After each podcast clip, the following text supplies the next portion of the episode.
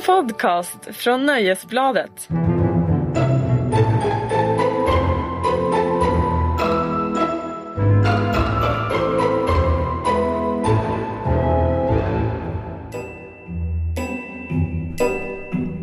Hej och välkomna till Tronspelet. Nöjesbladets supersuccépodd där vi pratar om Game of Thrones säsong 6. Uh, eh, jag heter Magnus Edlund och är någon sorts fantasyexpert. Uh, med mig har jag Sandra Shagdog Weibro. uh, yes. Tv-krönikör och allmän tv-nörd. Mm. och bredvid henne sitter Marcus Lady Larsson. eh, rockjournalist och eh, allmän förståsigpåare. Ja, det är väl, det är väl sant. Å, professionell åsiktsmaskin ja. i läderjacka. Det är ett härligt jobb. Ja, eh, idag ska vi prata om det fjärde avsnittet eh, av Game of Thrones säsong 6. Och det heter Book of the Stranger. Absolut. Men jag tänker innan vi går in på allt, alla brinnande hus och allt vad som hände i det här avsnittet så kanske vi ska höra lite vad våra lyssnare har tyckt under ja. den gångna veckan. Gud så spännande. Eh, jag tänker att vi börjar med ett eh, telefonsamtal från Marie som kommer från Stockholm. Hon ringde vårt eminenta jourtelefonnummer 08 725 2357. Och eh, hon lät så här, eller det här hade hon på hjärtat. Hej, jag heter Marie och ringer från Stockholm. Eh, jag är synskadad så jag tittar inte på själva serien när den sänds utan jag följer avsnitten genom att lyssna på er podd i efterhand. Med andra ord så har jag alltså läst alla böcker så jag känner att jag ligger lite efter. Um, men jag älskar er podd, jag måste bara säga det. Att, eh, nu slipper jag vänta på uh, Winds of Winter som verkar typ aldrig komma ut. Jag blir tokig och sen så ska jag läsa sen också. Det kommer ta aslång tid. Uh, jag har en fråga. Den här äh, Jorah Mormont, alltså sonen till gamle björnen, ni vet han som följde med eh, Daenerys och som hon eh, typ slashade bort sen. Eh, vad fan tog han vägen någonstans? Eller själva Mormont-familjen överhuvudtaget? Den storybågen verkar ha lite försvunnit. Eh, svara gärna på det. Hejdå! Ja Magnus, det är väl du som kan svara på det här. Ja, kanske. Först och främst tycker jag det är konstigt att man inte kan få Game of Thrones syntolkat. Det är verkligen dåligt. Det borde väl gå? Ja, precis. Vad fan med den budgeten? Det kostar väl inte så mycket för HBO att slänga in. Ja, Nej, det kan jag hålla med om. Men till sakfrågan. Ja, okej. Okay. Jorah Mormont. Eh, han ränner ju runt i öknen och jagar efter Daenerys. Han är, han, är, han är lite småkär kan man säga. Ja, väldigt. Lite besatt. Han var hedrigt förälskad av en stark ledare. är det så? Det är, något så han, ja, det är allmänmänskligt. Det är därför människan är så dum som den är. Men han är ju högsta grad med i serien. Han, han är ju liksom, han kommer väl spela en, av, en viktig roll framöver mm. Han har inte gjort jättemycket väsen av sig de tidigare avsnitten. Nej men han är ju lite grann som, jag brukar hänvisa till Ivanhoe i den gamla tv-serien. Han går omkring och lider och gnäller mest. Ja, väldigt mycket. Och så har han den här lilla sjukdomen, pesten på sig. Så det kommer, kommer inte sluta bra för honom. Men som jag han är, om jag inte missminner mig, den sista överlevande i Mormont 1. Mm. Den, en, hans farsa var ju den gamla Night Commanden innan Jon Snow. Och han ja. dog ju. Och det, och det, kommer nog inte bli några fler efter honom känns det som. Det känns inte som det. Jag Nej. vet inte om den här fjällgrejen gör att man blir så här superattraktiv. Men, men vad bra. Den, de, det, det, det, finns må, alldeles för många ettor att hålla reda Ja, en mindre. Tack. Uh, Okej, okay, jag hoppas du blev lite mer på det klara, Marie från Stockholm. Uh, sen har vi fått lite brev, mail av uh, med olika sinnesstämning kan man säga när de skrevs. uh, Ove Demander um, hade en teori om varför den här, uh, vi spekulerar lite i förra avsnittet, varför kommer nästa avsnitt att heta Book of Stranger? Book of the Stranger. Och uh, ja, Ove Demander tror ju att titeln antyder att Arya kommer få läsa Book of the Stranger där det borde stå vilka som ska dö och när. Hennes lista kommenteras som kort av Jaken Hagar och hon har fått synen tillbaka. Eh, det var ju fel, Ove Demander. så var det ju inte alls. Arya var inte ens med. Nej, hon är inte ens med i fjärde avsnittet. Nej. Book of the Stranger är High Sparrows bibel kan man ja. säga. Som han reciterar. Precis, jag tror vi återkommer till den ja. också lite ja, senare. Precis. Eller Marjorie reciterar den. Ta, ta nästa, hon har lite koll på den. Ta nästa mail. Okej, okay. det här är ett mail från Christian. Måste ni klaga på serien konstant?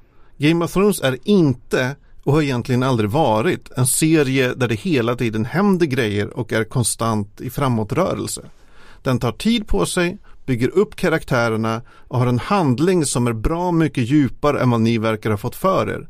Det är inte en berättelse om coola drakar, häftiga krig eller otäcka snözombies. Det är bara fonden som dramat utspelar sig emot.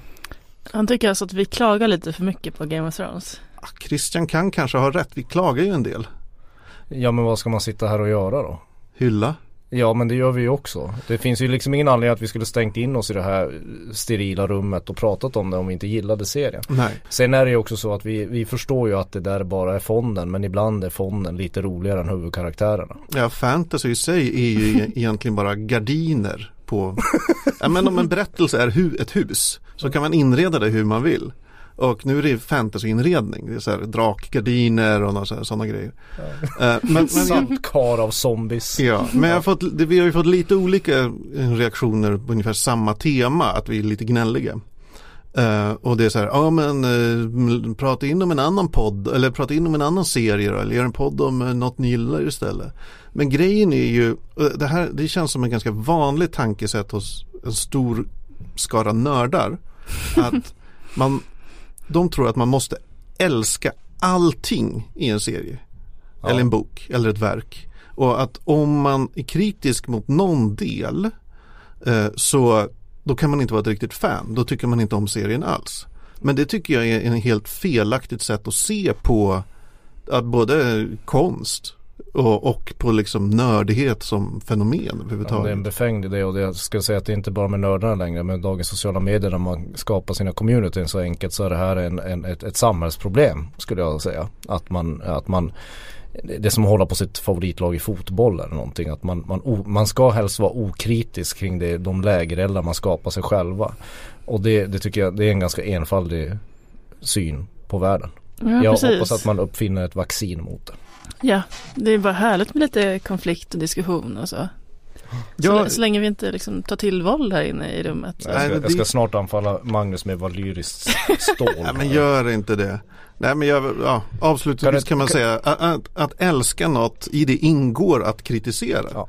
Lite kort, kan du inte ta hur insatta våra läsare är också? Eller våra lyssnare? Ja det kan jag göra. Läs Albin. Okej, okay.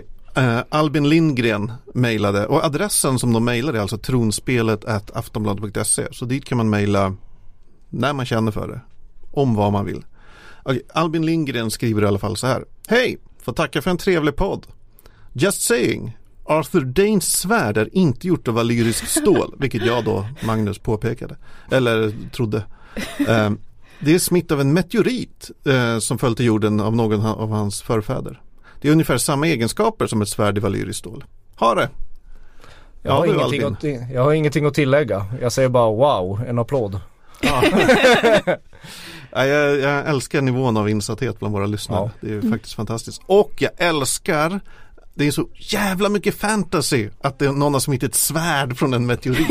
Det är så supermycket fantasy. Det är underbart. Jag älskar det. Ja, vi korkar av champagnen. Ja.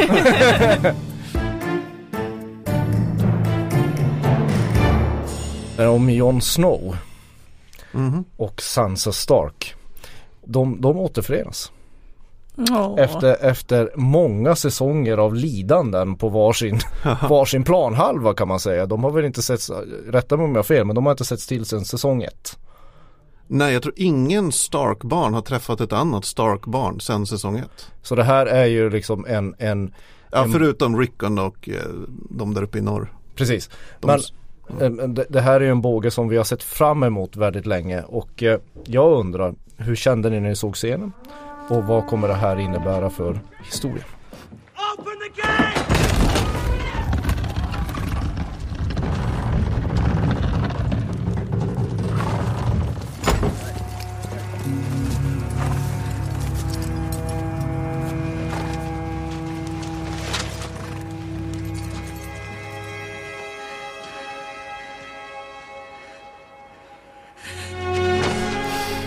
Alltså, eh, jag blev helt till mig i trasorna.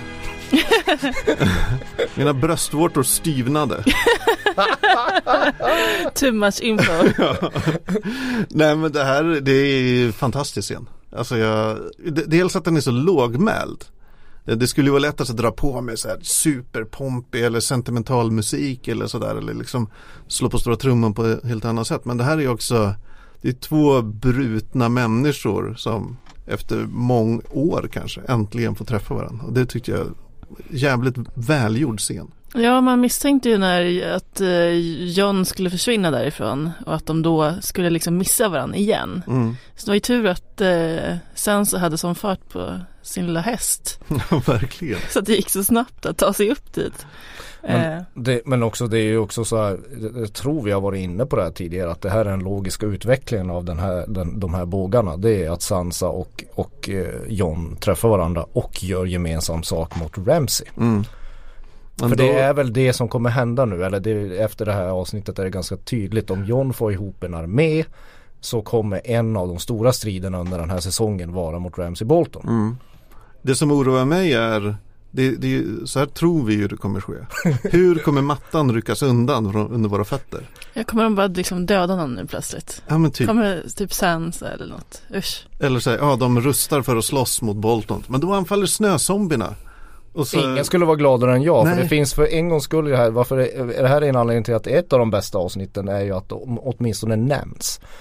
Och jag blev nästan lite besviken när de bara blåser i hornet en gång. Mm. När Sansa kommer. För jag tänkte blåser de tre. Halleluja. Då börjar det då börjar jag rocka på riktigt. Ja, herregud, du kallas Men... inte trestöts-Marcus för din redaktionen. nej, nej, nej, absolut inte. Men en sak jag tänkte på där, och den, den här återföreningen är ju väldigt så här, viktig för, för resten av säsongen. Men en, en sak som slog mig också i den här bågen som Ramsey tillhör, det är hur, hur, hur, hur lite rädd jag börjar bli för Ramsey, vem han än dödar. Ja, eh, jag satt där och tittade på den här eh, sexmordscenen Mm. Och, och, först lite hoppfull, nu dör Ramsey.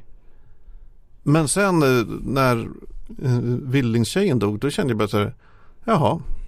Alltså men det är liksom till den nivån man har kommit. Karaktärer ja, man gillar. Man reagerar knappt när de dör längre. Speciellt inte när Ramsey gör det, för det är så jävla väntat. Ja, det kändes så himla onödigt. Varför skulle hon, varför skulle hon tillbaka till serien om man bara ska dö direkt? Ja. Orsa, ja. Efter så många säsonger. Bara så här, mm, manustekniskt ja, skriva ut henne. Liksom. Ja exakt, det, det är så det känns. Men det känns som en, ja, men en nödlösning kändes mm. som. Och, och, och, man kan nog inte etablera Ramsey något mer genom, genom sadistiska mord för man bryr sig inte. Nej. Det enda sättet man kan få fart i den storyn är väl att han möjligtvis plågar Rickon och får möta Jon Snow och Sansa igen. Mm. Det är där det kommer hända grejer. Eh, signaturen Mundo på rollspel.nu forumet hade håller med oss i det här och han skriver typ att ja, det enda sättet som det här kan eskalera på eller som får en att kanske reagera på Ramses ondhet det är om man hugger av eh, Wilding-kvinnans huvud, syr på varghuvudet och sen har sex med det här eh,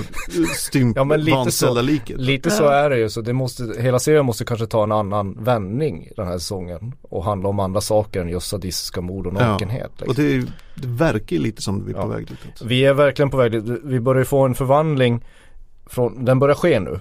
Att, att det är kvinnorna som kliver fram i, i ledande ställning. Det är ju Sansa som tar befälet över John. Mm. Ja, John är ju fortfarande totaldeprimerad efter att han har dött. Ja men han vill ju bara åka söderut och lägga sig på playan och ta det lugnt verkar det ja. som. Men så kommer Sansa in i bilden och ja, styr upp saker och ting och, och får honom inse att det kommer bli krig. Mm. Min oäkte bror. Men i alla fall, ur det att kvinnor tar över, då, det är ju det är en bra övergång att gå till en, ett annat ställe i den här sagan där en, en, en, en, en gammal kärvän och kvinna börjar röra på sig. Yes. Vi ska ner till, helt enkelt till Kings Landing.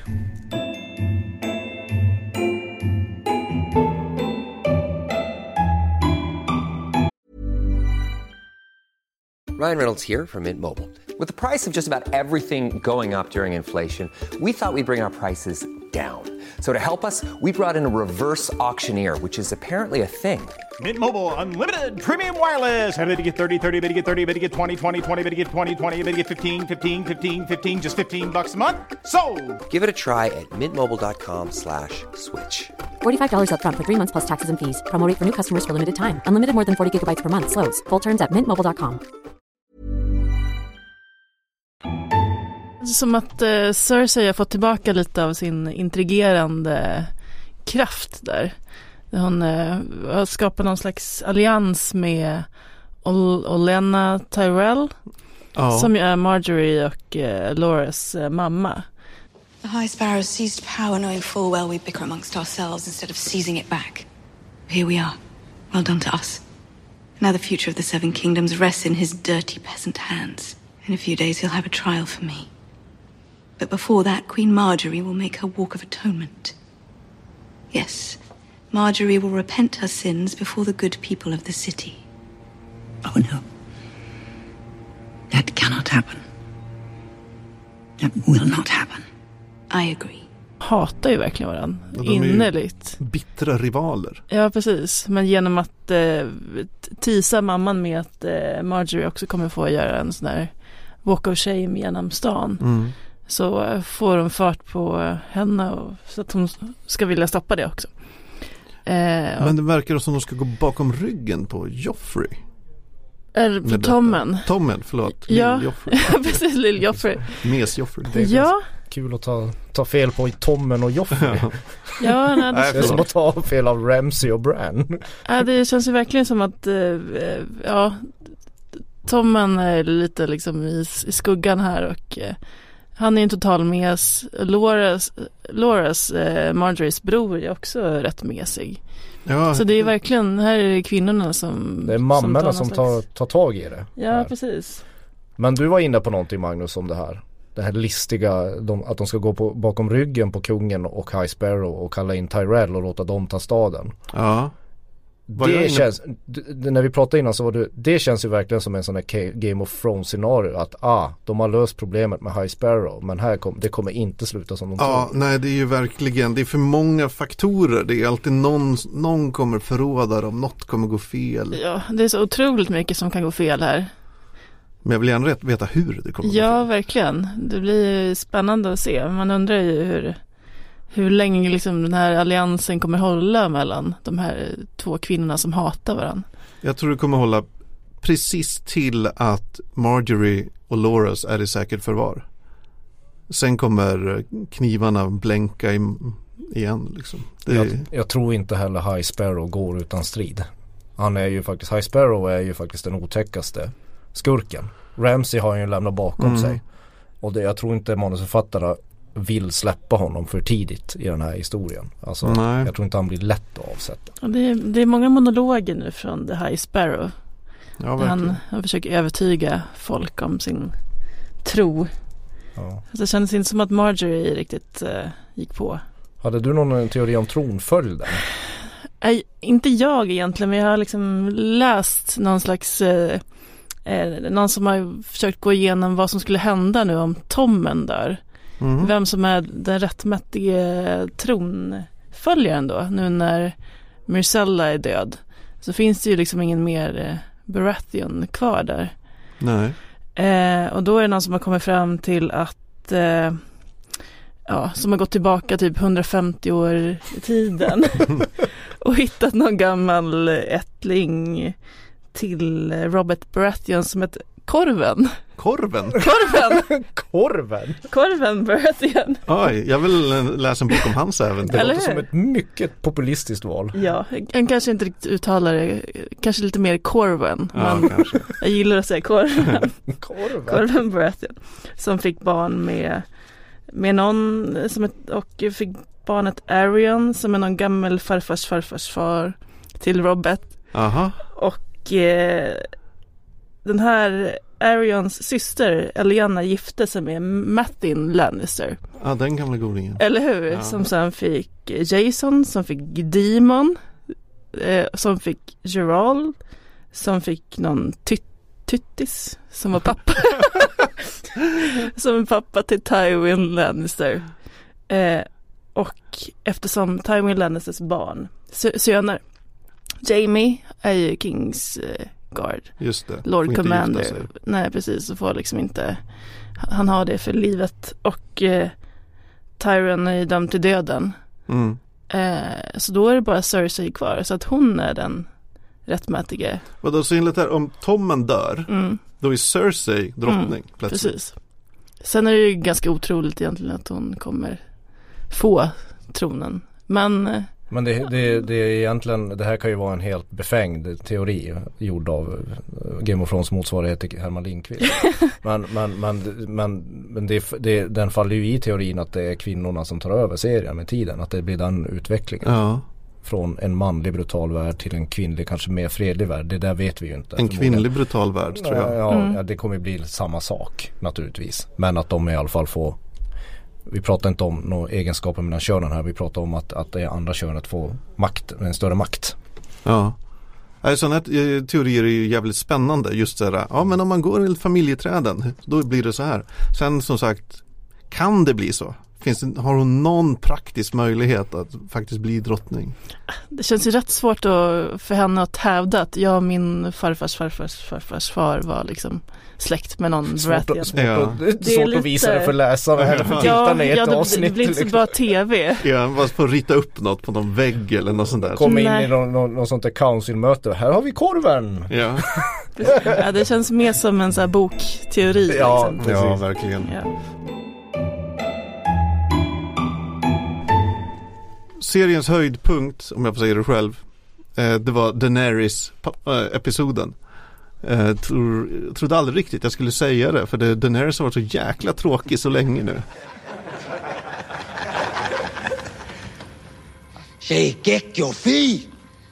Asier jilikath asilakira.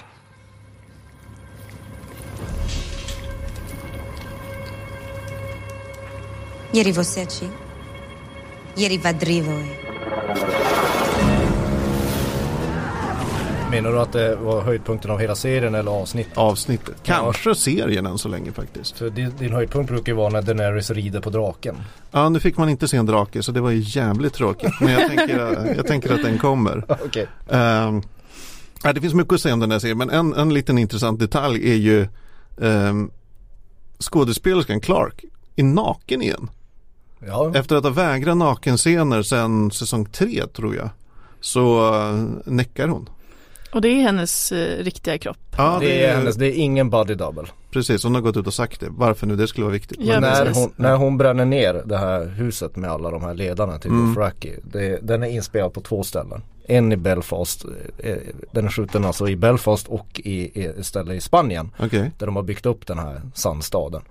Och det var just för att hon skulle vara naken med sin egen kropp. Att, att, att scenerna med henne när hon var naken togs inför en, en, en mer skyddad plats. Eller Ah, en lite okej. mindre ensemble. Sen har de klippt ihop det med någon sån här mass, massscen. Så Ja, den är hon har- inspelad på två ställen. Hon har ju pratat om att eh, sista, eller slutscenen i säsong ett där hon är naken med drakarna ute på en klippa. Att det var en jättejobbig scen att spela in för henne. För ja, det var hela inspelningsteamet och så bara stå naken ute på en jävla klippa liksom. Den är inte lika motiverad heller. Jag kan förstå att hon har större, hon har, hon har, hon har större liksom problem att slänga av sig kläderna i den delen av historien. Jag tycker inte, jag tycker hon förklarade bra i intervjuer varför, varför hon kan tänka sig att visa sig själv naken i den här scenen. För här, är- för, för dels är det så, hon står i ett brinnande hus. Det tänkte jag på innan jag gick ut. Och det är ju helt Ja, det är så mycket som är overkligt med det men det vore ju helt sjukt om hon hade kläderna på sig. Ja, alltså, så var det i och för sig i säsongsavslutningen Ja, ja, men det, också. men det här skulle det bli så här, hur ska de lösa det här tänkte Ja. jag. Ja men då kommer hon ut spritt språngande naken. Men här har hon ju en helt annan maktposition. Mm. Det är ju liksom inte, det, det känns ju inte som att de exploaterar en kvinnlig nakenhet i den här scenen tycker jag. Utan mer att de visar en, en väldigt stark kvinnlig ledare. Eller? Alltså det, hon har ju en annan maktposition i alla fall. Ja, det kan man väl säga. Samtidigt så är det liksom, det känns som att ja, nu måste de eh, hitta bättre anledningar att eh, få folk nakna än. Tidigare kunde det bara vara liksom helt lite mer random. Att det var bara liksom, Ja det ploppade då- ut lite här och där. Ja, precis. Nu försöker de ändå liksom hitta lite, lite rimligare anledningar. Än tidigare. Men då tycker jag även om att det är naturligtvis, de hade ju kunnat bara filma henne bakifrån. Liksom. Det skulle de kunnat. Med, och fått samma effekt. Men jag tror lite för, för skådespelerskan så handlar det väl också lite att i säsong ett var hon ny. Ingen visste vem hon var. Alltså helt grön och liksom mm. gjorde saker som stod i manus. Nu är hon ju etablerad, kan välja själv liksom. Jag tror det är en väldigt stor skillnad. Ja, hon är väl typ den bäst betalda i serien också. Ja. Jaså? Men, men känner, har ni också tänkt på att det, det, är väldigt lite naket och sex i den här äh, säsongen än så länge? eller? Är inte det? Alltså Game of Thrones är ju är känd eller kanske ökänd för att ha så här omotiverat mycket naket. Men beror inte det på att de har lyssnat på kritiken? Alltså det, det, alltså det går ju inte, inte HBO kan ju gå åt det hållet. De kan ju inte skita i hur, hur samhällsdebatten går. Hur man skildrar kvinnor i serier. Ja, fast eh, skaparna av serien D&D som de kallas eh, på nördforumen runt om i världen. Dungeons and Dragons. Eller de heter väl, jag kommer inte ihåg vad de heter ens. Eh, de säger att de, inget i den här säsongen har de gjort eller ändrat beroende på eh, feedback från fans eller något sånt där. Det är skitsnack. Ja, jag tror också det är skitsnack. Det är klart, men det måste de ju säga. Ja. Men det är klart de har, alltså det, det, det är så tydligt att, att jag tror de har tagit in Alltså bara det här vi pratade om tidigare att det, kvinnorna kommer till en större maktställning mm. är ju ett resultat av kritiken och hur serien har tagits emot. Det är jag helt ja. övertygad om. Och det Kanske. kan ju ha varit George R. R. Martins eh, lite bakomliggande syfte att skriva berättelsen som man gör. Kan vara. Mm. Kan vara. Men sen, sen säger ju eh, hon som spelar Daenerys, Emilia Clark, säger ju i den där intervjun också, de pratar om sin nakenhet i mm. senaste avsnitt, att hon eh, Ja, att det blir sån uppmärksamhet när hon klär av sig och att ja, men han som spelar Dario Naharis som mm. är hennes Lover. Loverboy i serien, att han har klätt av sig massa gånger utan att det få liksom någon eh, uppmärksamhet. Men han visar ju inte penis. Nej, det är det, det som skulle inte. krävas kanske. Nej, precis. Däremot har ju Hoder har ju visat sin Just det, där svajade kodden. för, för första segel. Nej, nej, men, nej, det gjorde den inte. Nej. men uh, Huffington Post har, uh, som den säkra nyhetskälla de alltid har tagit fram lite, de har suttit och räknat på hur mycket naket och sex det har varit i de olika säsongerna. Mm. Uh, och säsong tre är den säsong med mest naket och sex. Där är det 8,5 minut av, av hela säsongen som är naket. Uh, I första säsongen då var det 8 minuter 10 sekunder, mm. lite mindre. Och i andra säsongen 7 minuter 40. Och sen uh, går det stadigt ner. Ja, den fjärde 6 minuter, den femte 6.40. Så det har ju de senaste säsongerna, två senaste, har det varit betydligt mindre än tidigare. Så det är väl frågan om hur, hur det här äh, den här säsongen kommer utveckla sig. Strunt samma, vi, eh, vi kan prata lite mer om, om Daenerys kanske, ja, vad som ja. händer. Vi behöver inte prata bara om naket. Uh, en intressant sak jag noterat är, är bokfansen är upprörda över att Daenerys verkar vara flamskyddad. Att hon inte kan skadas av eld alls. Uh, verkar... för, för, så är det inte i boken? Eller? Nej, i boken som... är det bara i den, för, den så kallade föreslåscenen va? Precis. När, det är där hon är eldskyddad. Sen så visar väl George R. R. Martin att hon kan bli bränd i böckerna. Ja. Så att hon får eldskador. Så det här är en, det är en skillnad mellan böckerna och tvn. Precis, och sånt här älskar ju eh, folk att uppröras över. Ja, men nu blir hon ju som en superhjälte. Ja, precis. Ja men man gillar ju ändå att de verkligen visar att ja, men det här är en egen tv-serie. Liksom, att man går liksom mer och mer ifrån boken och ja. att det blir liksom ett eget konstverk om man ska vara lite fluffig. Ja men verkligen, att det går att det är en separat sak som förvisso är baserat på en grej men som inte är liksom lyder under den saken. Det är en ganska snygg lösning på hennes problem hur hon ska ta sig ur fångenskapen. Sen kan man ju, sen är ju de här eldpelarna eller de här, de här kandelabrarna med eld hon, hon det, det verkar vara napalm i dem. Mm. Alltså det är liksom det, ur säkerhetssynpunkt så skulle de kanske tänkt på det att inte ha sådana inne i ett trähus. Men, men, men, men, men det är en snygg lösning men samtidigt det, det, det är väldigt mycket eld i de där. Ja, men undrar om de är preparerade med något. Jag tolkade det så att ja. eh, Jora och Dario att de på något sätt har preparerat det här innan. Att det var en av grejerna hon eh, bad dem om hjälp om. Ja det kanske, men det får man ju inte förklarat. Nej. Så det blir lite sådär när hon välter dem så blir det, det det, det blir Apocalypse Now, den gamla krigsfilmen. kommer och fäller en palm. Absolut, men tänk vad är, de har typ eh, halmgolv och det är mitt ute i Ja, ja. Bara en detalj, väldigt, skitsamma. väldigt torrt. Ja, mm. Ja, eh, ja men D- Dany nu efter det här, hon, hon har ju alla Dothraki under sig nu med sig. Hon är någon sorts drottningarnas drottning eller kalisiernas kalisi. Eh, tror ni att det verkligen är så här enkelt? Hon bara kliver ut ur ett brinnande hus och så, så dyrkar alla henne. Det känns ju inte som att det kommer liksom, det kommer ju bli svårt att få ihop de här med marinfolket och det är ju rätt mycket folk att hålla koll på. Men, men samtidigt så här börjar man ju bygga upp en, jag vet inte en strid, alltså någon, någon stor strid ska stå mellan. Men här börjar, nu börjar hon ju få sin armé. Som Ja. hon kan liksom svepa in och ta över allting. Så eh, Magnus, jag, jag, jag är ledsen men jag tror här börjar the endgame. Ja men det är så måste det ju vara. ja, ja. Alltså för vad ska hon annars göra med alla de här, bara dra runt så, i den här slavbukten igen, det går inte. Hon, nu måste hon ju över. Ja, gud ja. Ehm, det var ju lite roligt så här när man eh, ehm, samspelet mellan eh, Jorah Mormont och eh, Dario eller vad fan han heter, jo Dario att de är så här, de är så jävla mycket rivaler så här. Och du kommer inte kunna Uh, ha sex med henne för hon är så vild och du är så gammal och så här.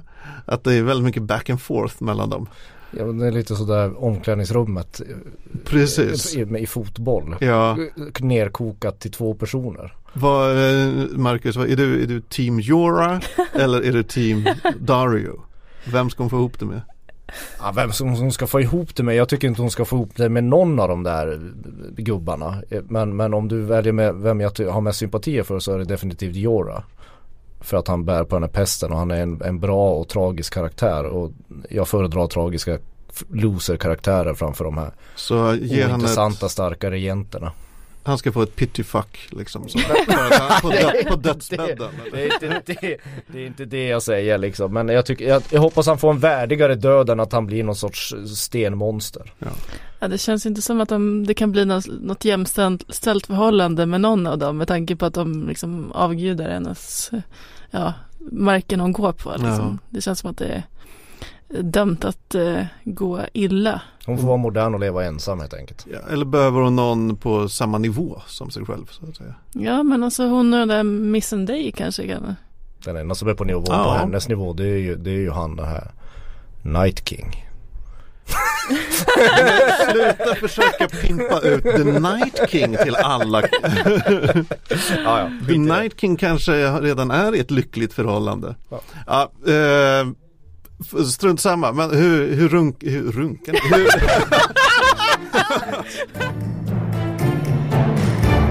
Japp, då kommer vi till den roliga delen med vår pliktrapportering. yes! Yes, äntligen.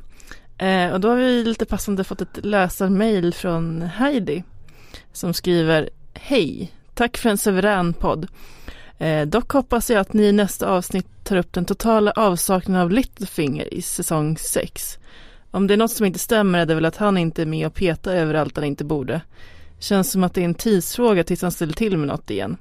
PS, snälla kalla inte Stark-vargarna för hundar, det är ont i själen. Okej, vi, vi kallar dem hemskevargar eller Ja. något. Ja, ja, vi ber om ursäkt för det. Men, Dopade ekorrar, tror att hon är, tror att hon är okej med det. Nej, jag, jag, jag Jyckar. Jyckar. Jyckar. Oh, jyckar. Eh, Men nej, vi ska inte kalla dem, vi ska kalla dem för vargar. ja. Ja. precis. Men Eh, Littlefinger är tillbaka. Ja, han är det. Och vad, om ni ska beskriva era känslor inför det med en mening. Ett djupt obehag som kommer sätta käppar i hjulet på allt som kan vara kul. Vad sysslar han med? alltså kom vi, vad, vad håller han på med med den här lilla Robin Erin? Vad, vad, vad, varför håller han på och donar där? Ja. När lilla Robin är, det var ju han som, som diade sin mamma uppe i typ tonårs, tonårsåldern Ja eller något. typ. Ja, Ja, och det var se väldigt obehagligt. ja, och se vad, vad det blev av honom. Ja, precis. Han har liksom, han har ändå tränats nu i, jag vet inte hur länge känns Om som. man diar sin mamma i för länge så är Ja. sensmoralen i den här serien att man blir en, blir en eh, extrem douchebag med, med, som, som får någon sorts tänder på falkar. Ja men eller i alla fall psykiskt svag. Nervsvag. Man, man är något som Littlefinger kan manipulera väldigt lätt. Ja, nej, men han har ju tränats nu i, i jättelång tid men har ändå inte lyckats lära sig använda en pilbåge. Nej, Han kunde inte liksom knappt träffa gräset. väldigt dålig. Men Extremt Littlefinger är tillbaka. Ja, jag tycker, det, är jag tycker det är härligt ändå. Jag saknar Ja. honom. Han kommer ju vinna det här. Han kommer ju sitta på tronen. Inte Cersei. Ja, man undrar ju alltid liksom vad är hans plan med allting? Han, ja, men, att han gifter bort Sansa med, med eh, vår favorit Ramsey. Ramsey. Alltså Och nu- hans Och nu ska han rädda Sansa. Ja. Alltså jag uppfattar det som hans mål är att liksom splittra och söndra.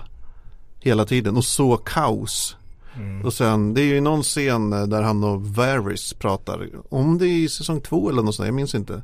Där Varys oroar sig för, för kaos liksom, att det är en avgrund. Och Littlefinger säger eh, kaos är inte en avgrund, det är en stege. Så jag tror det är han kommer manipulera alla till att slåss mot varandra och sen när all röken har lagt sig då sitter han på tronen. Mm. Apropå manipulatören. Precis, eh, så har vi även eh, ett avsnitt där Tyrion eh, mansplainar slaveri för exslavar Mm. och eh, mäklar någon slags fred med slavägare. Ja, det känns inte som tonvikten ligger där i det här avsnittet. Alltså jag tycker den fortfarande, även om det den här scenen eh, som, som Magnus uttryckte det, det är ett, bra snack i pelargångar. Ja. Eh, någonting mer än vad det brukar vara när vi drar söderut i den här storyn så, så eh, känns inte där fokus ligger just nu. Nej, eh, jag snabbspola den säger jag. Ja, ja det, för att vara ett snack i pelargångar så var det ett bra snack i pelargångar. Och eh, ja, man uppskattar ju ändå Tyrion han, när han är i sitt lismande, manipulerande bä- bästa. Men ja, snabbspola. Eh, Theon kom äntligen hem, hurra, eller? Eh, Ja men det är, ja, lite av ett antiklimax men det följer ju också den här seriens eh, grundröda teori att han kommer stötta sin syster till makten. mm. Och jag tycker det är skönt att han har den självinsikten nu att han inte är en ledare.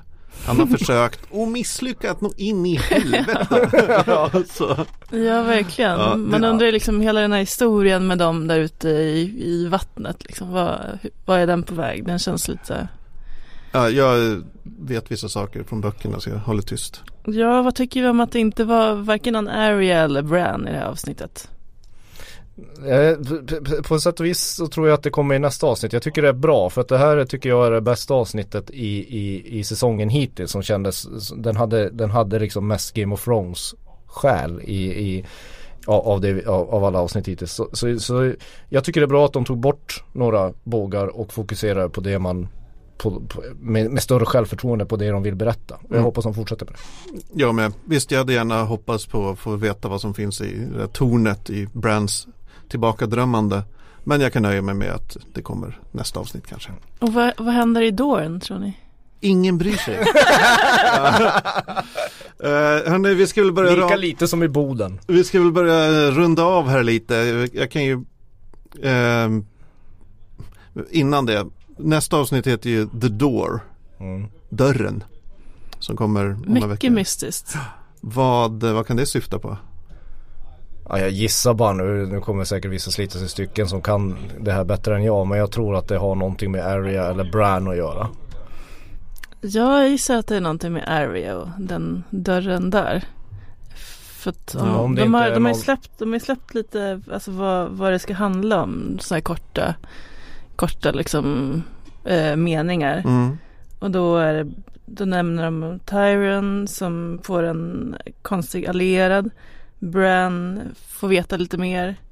Brienne goes on a mission och sen Arya får en ny chans. Hmm. Mm. Intressant Mm. Ja, Det enda jag kommer att tänka på med, med dörrar Det är ju så här Hur de använder dörrar i Mad Men För att visa ensamhet och liksom nederlag och sådär Jag tänker att det är någon mer liksom filosofisk eh, bild. Jag här. vet inte Det var Ja, bara bra. så jag associerade Jag, jag hoppas på tre hornstötar Jag med bakom en dörr. Och drakar. Eh, innan vi säger adjö för gott så ska vi bara säga återigen, man kan mejla oss till tronspelet, aftonbladet.se. Man kan hashtagga tronspelet i så gott som alla sociala medier. Och man kan ringa vår jourtelefon. Eh, gör det, för det hade ju Marie till exempel gjort tidigare i det här avsnittet. 08 725 23 57. 08 725 23 57. Ring dit, men så länge säger vi Valar Morgulis. Valar Doheris. Hej då.